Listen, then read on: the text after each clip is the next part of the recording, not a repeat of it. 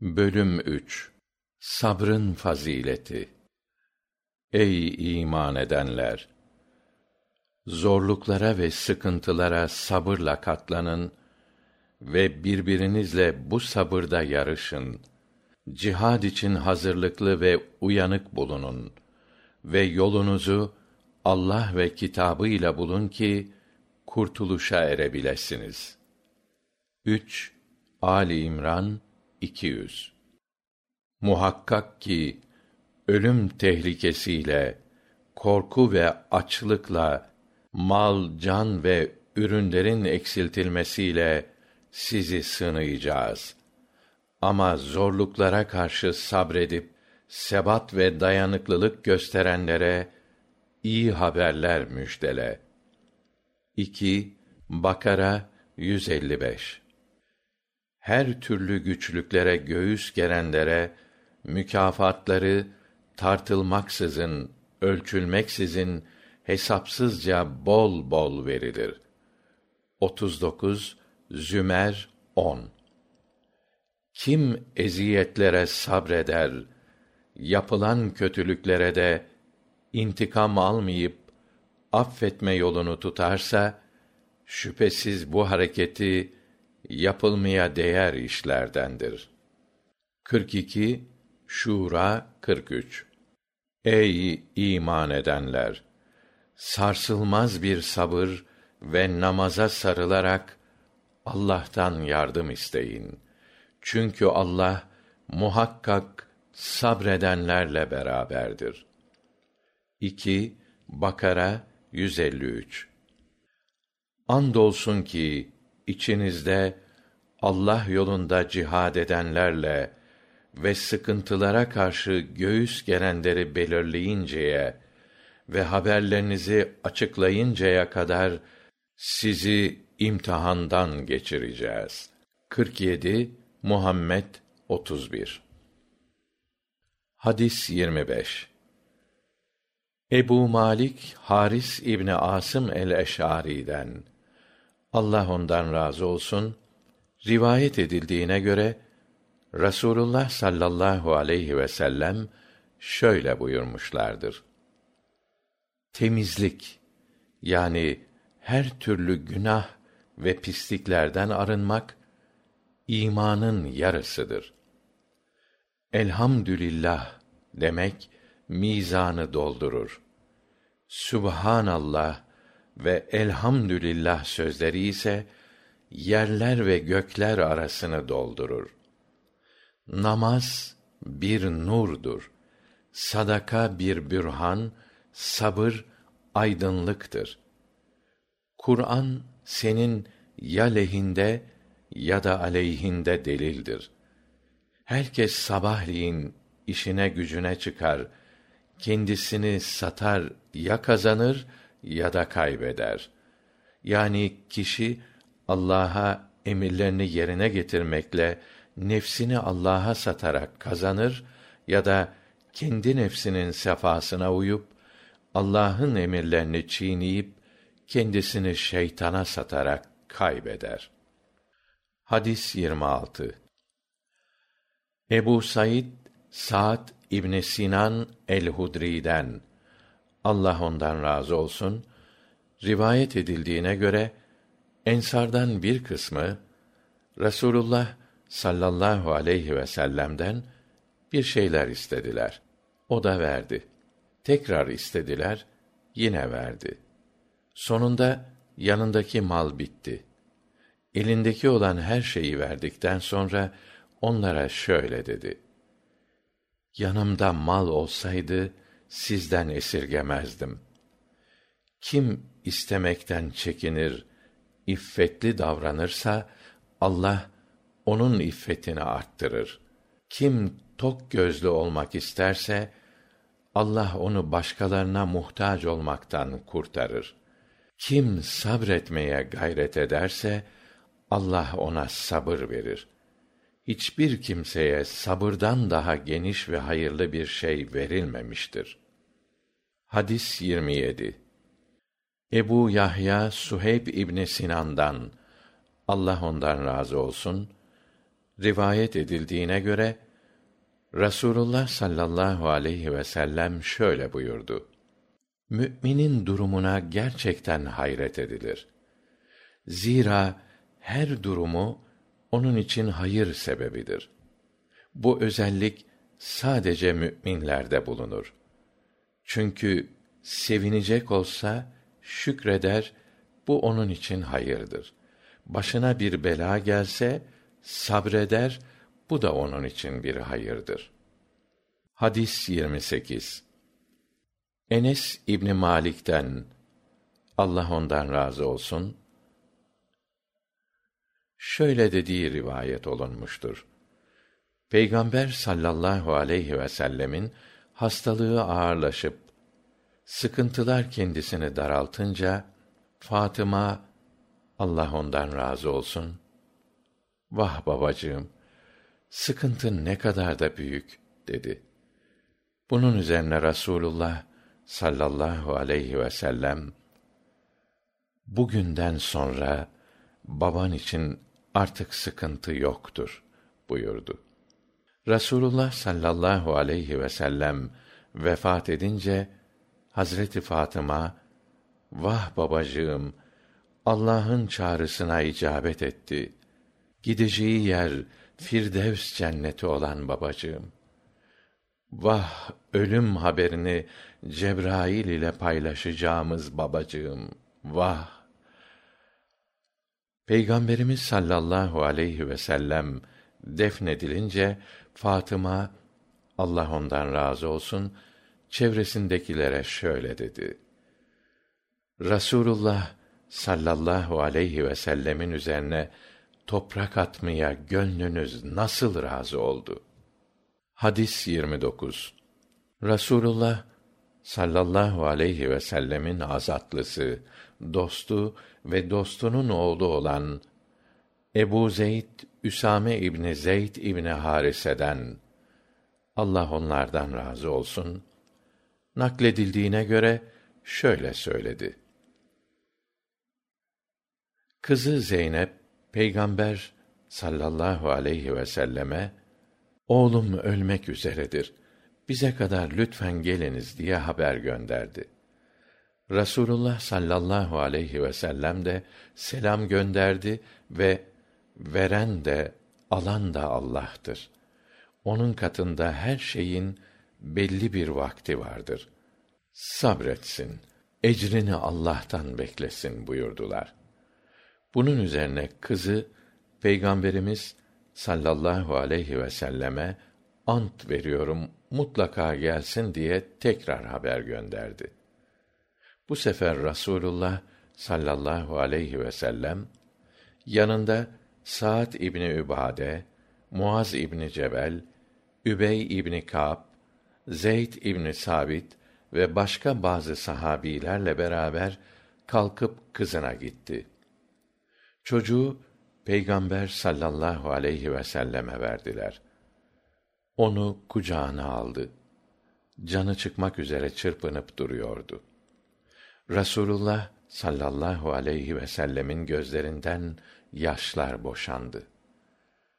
Durumu gören saad ibni übade bu ne haldir ya rasulallah? diye sordu. Rasulullah sallallahu aleyhi vsellem de bu allah'ın kullarının kalbine koyduğu acıma duygusudur buyurdu. Diğer bir rivayette bu allah'ın öyle bir rahmetidir ki onu kullarından dilediğinin kalbine yerleştirir. Zaten allah kullarından merhametli olanlara rahmet eder buyurdular. Hadis Süheyb'den Allah ondan razı olsun rivayet edildiğine göre Rasulullah sallallahu aleyhi ve sellem şöyle buyurmuşlardır. Sizden evvelkiler içinde bir padişah, bir de onun sihirbazı vardı. Sihirbaz ihtiyarlayınca padişaha ben ihtiyarladım. Bana bir genç delikanlı gönder ona sihirbazlığı öğreteyim dedi Padişah da ona genç birini gönderdi. Bu gencin gelip gideceği yol üzerinde bir rahip bulunuyordu. Genç ona uğradı. Yanında oturdu. Konuşmalarını dinledi, hoşuna gitti. Böylece sihirbaza her gittiğinde rahibe uğrar ve onun yanında bir süre kalırdı. Sihirbazın yanına geldiğinde sihirbaz niçin geç kaldın diye kızar ve delikanlıyı döverdi. Delikanlı durumu rahibe aktarınca o da şöyle akıl verdi. Sihirbazdan korktuğunda evden alıkoydular. Ailenden çekindiğinde de sihirbaz alıkoydu dersin. Durum böyle devam edip giderken delikanlı günün birinde insanların yolunu kesen büyük bir hayvana rastladı. Bunun üzerine sihirbazın mı yoksa rahibin mi daha üstün olduğunu işte şimdi öğreneceğim diyerek eline bir taş aldı ve dedi ki: Ey Allah'ım! Rahibin işlerini sihirbazın işlerinden daha çok seviyorsan şu hayvanı öldür ki insanlar yollarına devam etsinler dedi. Taşı atıp hayvanı öldürdü. Halk da geçip gitti. Daha sonra delikanlı rahibe gelip olayı anlattı. Rahip ona delikanlı şimdi artık sen benden daha üstünsün. Zira sen bu gördüğün dereceye ulaşmışsın. Muhakkak sen yakında imtihan edileceksin. Böyle bir şey olursa benim bulunduğum yeri kimseye söyleme dedi. Delikanlı böylece doğuştan körleri, alaca hastalığına tutulmuş olanları kurtarır ve diğer hastalıkları da tedavi ederdi. Padişahın kör olan bir yakını bunu duydu. Birçok hediye ile delikanlının yanına gitti ve eğer beni hastalığımdan iyi edersen bu hediyeleri sana veririm dedi. Delikanlı da ben şifa veremem. Şifayı ancak Allah verir. Eğer sen Allah'a inanırsan ben de ona dua ederim. O da sana şifa verir dedi. Adam iman etti. Allah ona şifa verdi. Adam eskiden olduğu gibi padişahın yanına gelip toplantıdaki yerini aldı. Padişah senin gözünü kim iyi etti diye sordu. O da Rabbim iyi etti deyince bu defa padişah senin benden başka Rabbin mi var dedi. O adam benim de senin de Rabbin Allah'tır dedi. Bunun üzerine padişah o adamı tutuklattı ve gencin yerini gösterinceye kadar ona işkence ettirdi. Sonunda adam gencin yerini söyledi. Genç getirildi. Padişah ona, oğlum, demek ki senin sihrin, körleri ve alatenlileri iyi edecek dereceye geldi. Pek çok işler yapıyormuşsun. Öyle mi? diye sordu. Delikanlı da, hayır, ben kimseye şifa veremem. Şifa veren Allah'tır dedi. Padişah, delikanlıyı da tutuklattı ve rahibin yerini gösterinceye kadar ona da işkence ettirdi. Hemen rahip getirildi. Dininden dön denildi. O da bu işe yanaşmadı. Bunun üzerine padişah bir testere getirtip rahibin başını ortasından ikiye ayırdı ve her parçası bir yana düştü. Sonra padişahın meclis arkadaşı getirildi. Ona da dininden dön denildi. O da kabul etmedi. Padişah onun da başına bir testere koyarak onu da ikiye ayırdı. Sonra delikanlı getirildi. Dininden dön denildi. Fakat delikanlı direndi. Padişah delikanlıyı adamlarından bir gruba teslim edip onlara şöyle dedi: Bunu filan dağın en üst zirvesine götürün. Dininden dönerse ne hoş. Değilse dağın tepesinden atınız. Delikanlıyı götürdüler. Dağın tepesine çıkardılar. Delikanlı, Allah'ım, istediğin bir şekilde bunlardan beni kurtar, dedi. Dağ sarsıldı, onlar da yuvarlandılar. Delikanlı yürüyerek padişahın yanına geldi. Padişah ona arkadaşların ne oldu dedi. Delikanlı Allah beni onlardan kurtardı dedi. Bunun üzerine padişah adamlarından başka bir gruba delikanlıyı teslim ederek bunu Karkur denilen bir gemiye bindirip denizin ortasına götürün. Dininden dönerse ne âlâ, değilse denize atın dedi. Delikanlıyı alıp götürdüler. O da Allah'ım istediğin bir şekilde beni bunların elinden kurtar diye dua etti. Gemi alabora oldu. Onlar boğuldular. Delikanlı yürüyerek padişahın yanına geldi. Padişah, arkadaşların ne oldu dedi. Delikanlı da, Allah beni onların elinden kurtardı dedi ve şunu ilave etti. Benim emredeceğim işi yapmadıkça sen beni öldüremezsin. Padişah nedir o deyince delikanlı şöyle dedi. Halkı geniş bir meydana topla. Beni de bir hurma kütüğüne bağla. Sonra ok torbamdan bir ok al. Yayın tam ortasına koy. Sonra delikanlının Rabbi olan Allah adıyla diyerek oku at. Böyle yaparsan beni öldürebilirsin dedi. Bunun üzerine padişah halkı geniş bir meydana topladı. Delikanlıyı hurma kütüğüne bağladı. Sonra delikanlının ok torbasından bir ok aldı, yayına yerleştirdi. Delikanlının Rabbi olan Allah adıyla deyip oku fırlattı. Ok delikanlının şakağına rastladı. Delikanlı elini şakağına koydu ve ruhunu teslim etti. Bunun üzerine tüm halk biz delikanlının Rabbine iman ettik dediler. Durum padişaha iletilerek korktuğun şey başına geldi ve halk iman etti dediler. Bunun üzerine padişah sokak başlarına büyük hendekler kazılmasını emretti ve hendekler ateşlerle dolduruldu. Padişah, yeni dinden dönmeyen kimseleri hendeğe atın, dedi.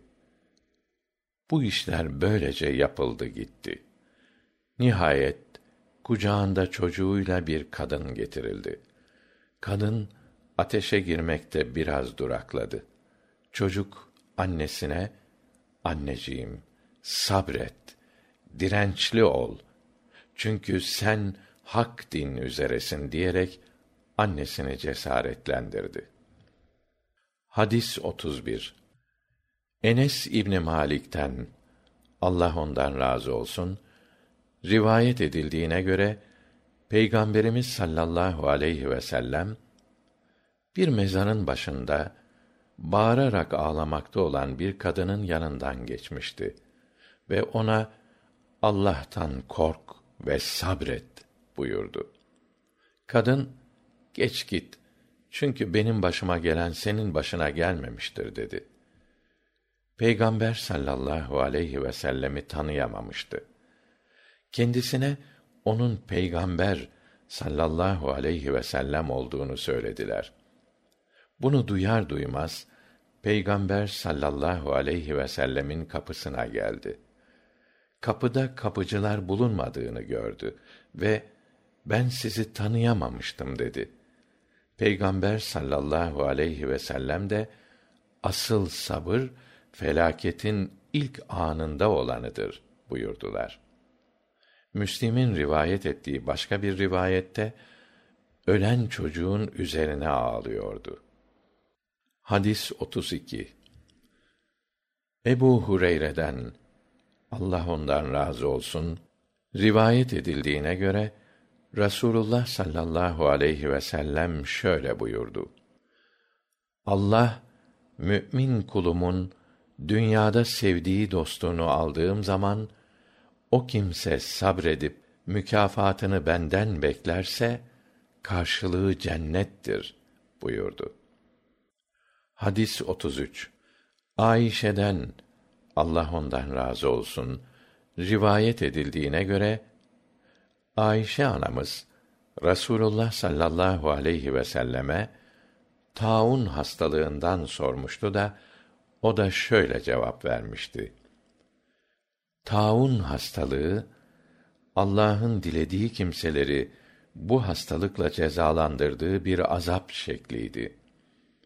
Allah onu mü'minlere rahmet kıldı bu sebeple tauna yakalanan bir kul sabredip mükafatını allah'tan bekleyerek bulunduğu yerde başına allah'ın yazdığından başka hiçbir şey gelmeyeceğini bilerek oturup dışarı çıkmazsa kendisine şehit sevabı verilir. Hadis enes İbni malik allah ondan razı olsun rasulullah sallallahu aleyhi vsellem'in şöyle buyurduğunu işittim demiştir. Allahü teala buyuruyor ki kulumu gözlerinden mahrum ederek imtihan ettiğim zaman sabrederse gözlerinin karşılığı ona cenneti veririm. Hadis ata ibni ebi rebah'tan allah ondan razı olsun şöyle dediği rivayet edilmiştir. Abdullah ibni abbas allah onlardan razı olsun bana sana cennetlik bir kadını göstereyim mi? dedi. Ben de evet göster dedim.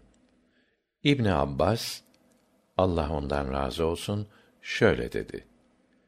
Işte şu siyah kadındır ki bu kadın peygamber sallallahu aleyhi vselleme geldi ve beni sara hastalığı yakalıyor ve üstüm başım açılıyor. Iyileşmem için allah'a dua ediniz dedi. Peygamber sallallahu aleyhi vsellem de eğer sabredeyim dersen sana cennet vardır. Ama yine de sen istersen sana şifa vermesi için allah'a dua ederim buyurdu. Bunun üzerine kadın o halde ben hastalığıma sabrederim. Ancak sara tuttuğu zaman üstümün başımın açılmaması için dua ediniz dedi. Peygamberimiz sallallahu aleyhi vsellem ona dua etti de sara nöbeti geldiğinde bir daha üstü başı açılmadı hadis ebu abdurrahman abdullah ibni mes'ud allah ondan razı olsun şöyle der. Şimdi ben rasulullah sallallahu aleyhi vsellem'in yüzüne bakıp görür gibiyim. O peygamberlerden bir peygamberi hikaye ediyordu ki kavmi tarafından dövülüp yüzü kanlar içerisinde bırakılmış fakat o yüzündeki hem kanı silmeye çalışıyor hem de ey rabbim kavmimi yaptıklarından bağışla. Çünkü onlar ne yaptıklarını bilmiyorlar diyordu. Hadis ebu said ve ebu hureyre'den allah onlardan razı olsun rivayet edildiğine göre rasulullah sallallahu aleyhi vsellem şöyle buyurdu. Herhangi bir müslümanın başına gelen yorgunluk hastalık tasa keder sıkıntı ve gamdan ayağına batan dikene kadar her şeyi allah müslümanın hata ve günahlarının bağışlanmasına sebep kılar hadis abdullah ibni mes'ud allah ondan razı olsun şöyle demiştir. Rasulullah sallallahu aleyhi vsellem'in huzuruna vardım. Şiddetli sıtmaya yakalanmıştı. Ey allah'ın rasulü sıtma nöbetinden dolayı çok şiddetli zahmet çekiyorsun dedim. Evet sizden iki kişinin çekebileceği kadar ızdırap çekiyorum buyurdu. Bundan dolayı size iki kat ecir var mıdır dedim. Evet öyledir. Bir müslümanın vücuduna batan bir dikenden en ağırına kadar hiçbir musibet yoktur ki allah bu sebeple o'nun kusurlarını örtmüş ve günahlarını bağışlamış olmasın ağacın yapraklarının döküldüğü gibi o müslümanın günahları da öylece dökülür. Hadis ebu hureyre'den allah ondan razı olsun. Rivayet edildiğine göre rasulullah sallallahu aleyhi vsellem şöyle buyurdu. Allah hayırını dilediği bir kimseyi günahlarını bağışlamak ve derecesini yükseltmek için onu sıkıntıya sokar. Hadis 40 enes ibni malik'ten allah ondan razı olsun rivayet edildiğine göre rasulullah sallallahu aleyhi vsellem şöyle buyurdu. Başına gelen bir musibetten dolayı hiçbir kimse ölmeyi istemesin mutlaka böyle bir şey temenni etmek zorunda kalırsa allah'ım benim için yaşamak hayırlıysa beni yaşat ölmek hayırlıysa beni öldür desin. Hadis ebu amdullah habbab ibni eret allah ondan razı olsun şöyle demiştir hırkasını yastık ederek dayamış kâbe'nin gölgesinde istirahat ederken biz rasulullah sallallahu aleyhi vselleme müşriklerden çektiğimiz sıkıntılardan dolayı şikayette bulunduk. Bizler için allah'tan yardım dilemeyecek misiniz? Bizim için dua etmeyecek misiniz? dedim. Rasulullah sallallahu aleyhi vsellem de şöyle buyurdular. Önceki toplumlardan bir mü'min yakalanır yerde bir çukur kazılır ve onu çukura gömerler. Sonra bir testere getirilir ve başından aşağı testereyle ikiye ayrılır. Vücudu demir taraklarla etinin altındaki kemiği ve siniri taranırdı. Fakat bütün bu yapılanlar onu dininden döndüremezdi. Yemin ederim ki allah mutlaka bu dini yeryüzüne hakim kılacaktır. Öylesine hakim kılacak ki tek başına bir atlı san'adan hadramevt'e kadar selametle gidecek. Allah'tan ve koyunlarına zarar verecek kurttan başka hiçbir şeyden korkmayacaktır. Ne var ki siz acele ediyorsunuz. Buhari'nin başka bir rivayetinde peygamber sallallahu aleyhi vsellem hırkasına bürünmüştü. Bizler de müşriklerden çok işkence görüyorduk şeklindedir hadis abdullah ibni mes'ud allah ondan razı olsun şöyle demiştir. Huneyn savaşından gelen ganimetleri taksim ederken rasulullah sallallahu aleyhi vsellem bazı kimselere diğerlerinden fazla hisse vermişti. Akra ibni habise yüz deve uyeyne ibni hısna da bir o kadar bazı arapların ileri gelenlerine de taksimde farklı hediyeler vererek onları bölüşmede üstün tuttu bunun üzerine bir kişi vallahi bu paylaştırmada ne adalet ne de allah rızası gözetilmiştir dedi ben de vallahi bunu peygamber sallallahu aleyhi ve selleme söyleyeceğim dedim. Yanına gidip adamın söylediklerini haber verdim. Bunun üzerine Rasulullah sallallahu aleyhi ve sellemin rengi kıpkırmızı kesildi. Sonra da şöyle cevap verdi. Allah ve Rasulü adalet yapmazsa kim yapar? Sonra şöyle buyurdu. Allah Musa aleyhisselama rahmet etsin. O bundan daha ağır sözlerle eziyete uğradı da sabretti buyurdu. Ben de kendi kendime vallahi bundan sonra ona hiçbir haberi iletmeyeceğim dedim. Hadis 43. Enes İbni Malik'ten Allah ondan razı olsun rivayet edildiğine göre Rasulullah sallallahu aleyhi ve sellem şöyle buyurdu.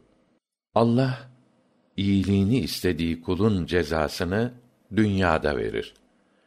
Fenalığını istediği kulun cezasını da kıyamet günü günahını yüklenip gelsin diye dünyada vermez.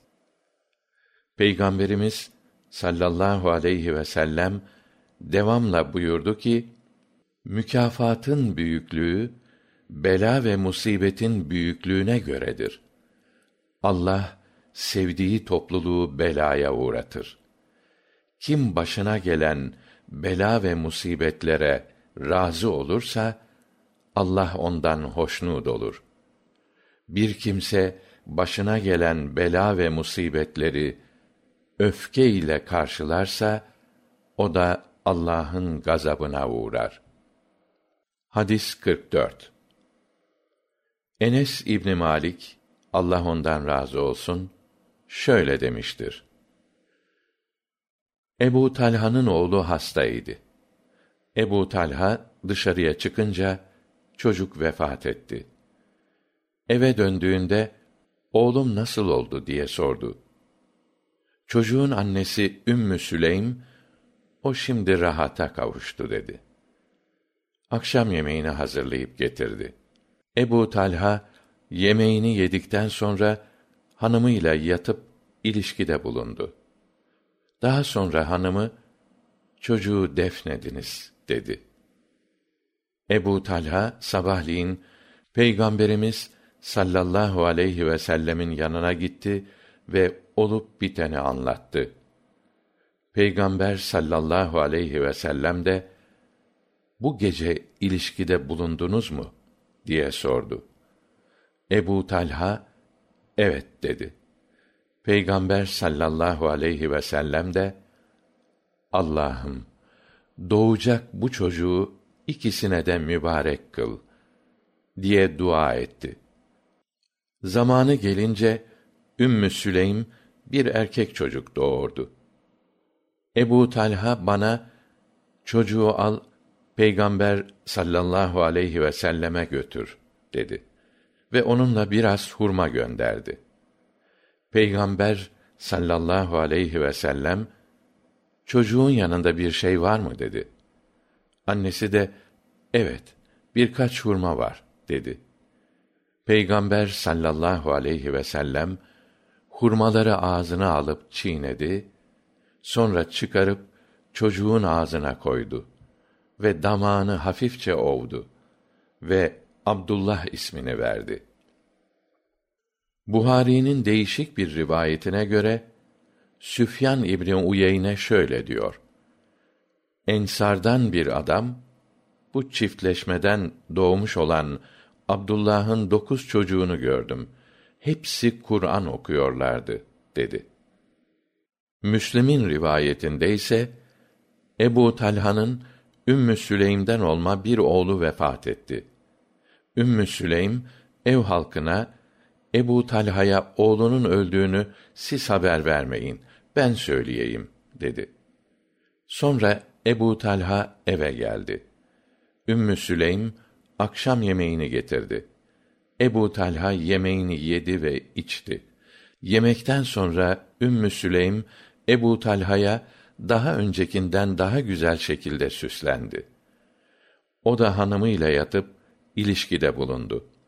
Ümmü Süleym kocasının karnını doyurup cinsel yönden de onu tatmin ettikten sonra Ey Ebu Talha bir toplum bir aileye bir emanet verse sonra da o emanetleri isteseler ev halkının onu vermemeye hakkı olur mu ebu talha hayır vermemezlik edemezler dedi. Bunun üzerine ümmü süleym dedi ki o halde oğlunu geri alınmış bir emanet bilerek allah'tan sevap bekle dedi. Ebu talha kızarak şöyle dedi cünüp olup kirleninceye kadar beni oyaladın. Sonra da oğlumun ölüm haberini bildirdin dedi. Hemen kalkıp rasulullah sallallahu aleyhi vsellem'in huzuruna geldi ve olup bitenleri anlattı. Rasulullah sallallahu aleyhi vsellem allah gecenizi hayırlı ve bereketli kılsın dedi. Ümmü süleym hamile kaldı.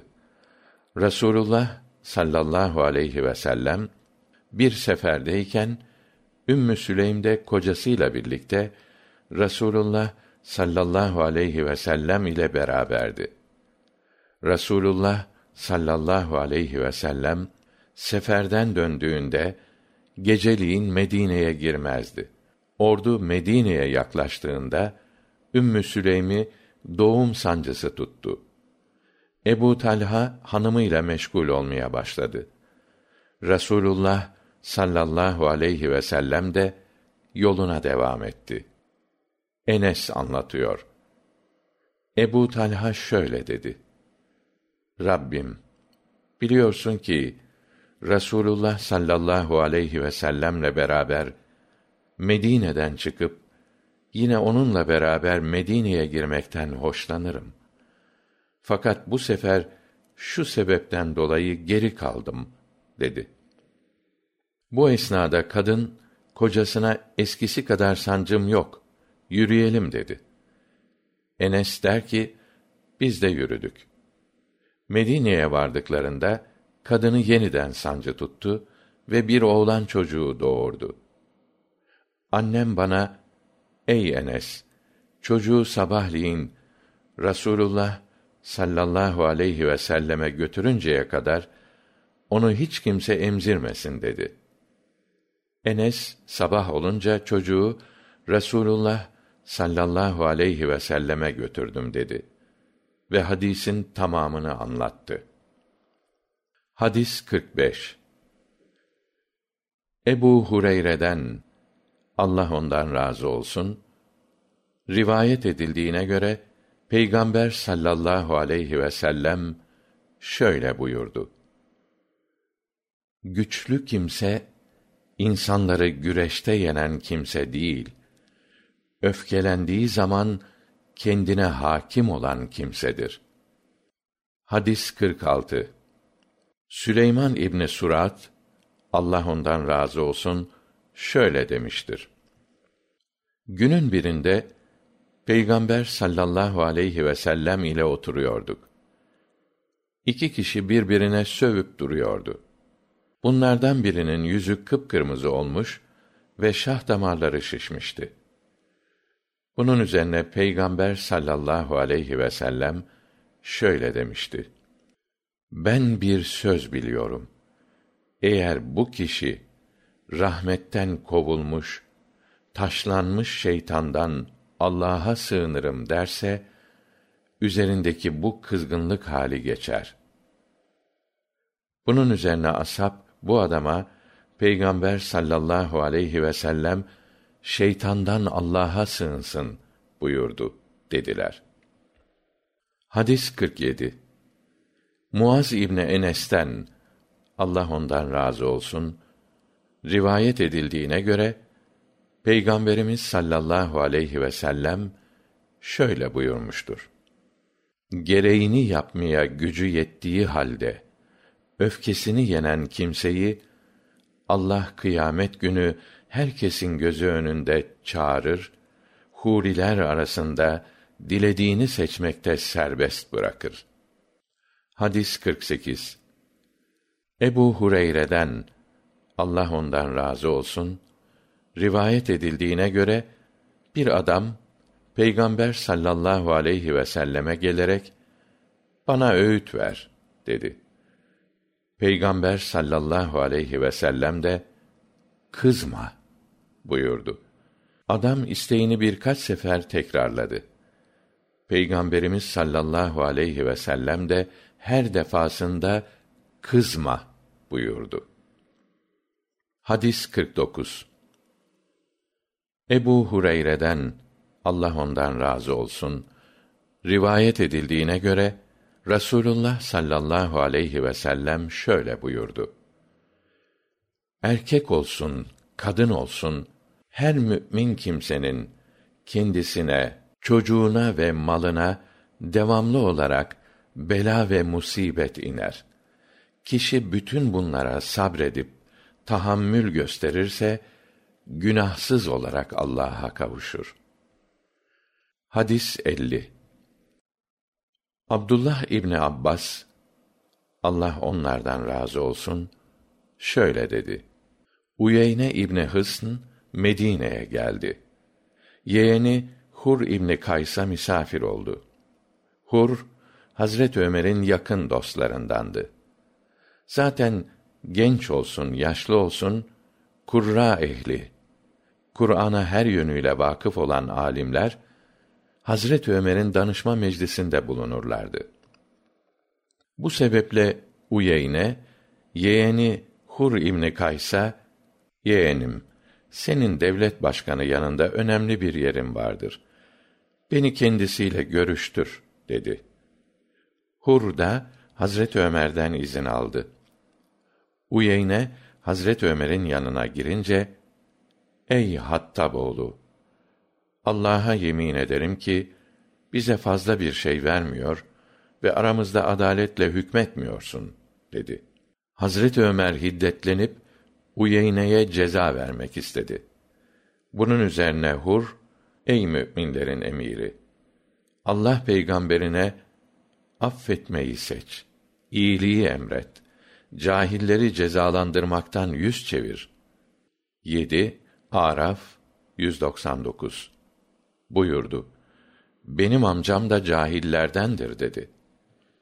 Allah'a yemin ederim ki Hur bu ayeti okuyunca Ömer Uyeyne'yi cezalandırmaktan vazgeçti. Zaten Ömer Allah'ın ayetlerini görünce daha ileri gitmez, dikkatli davranır ve dururdu.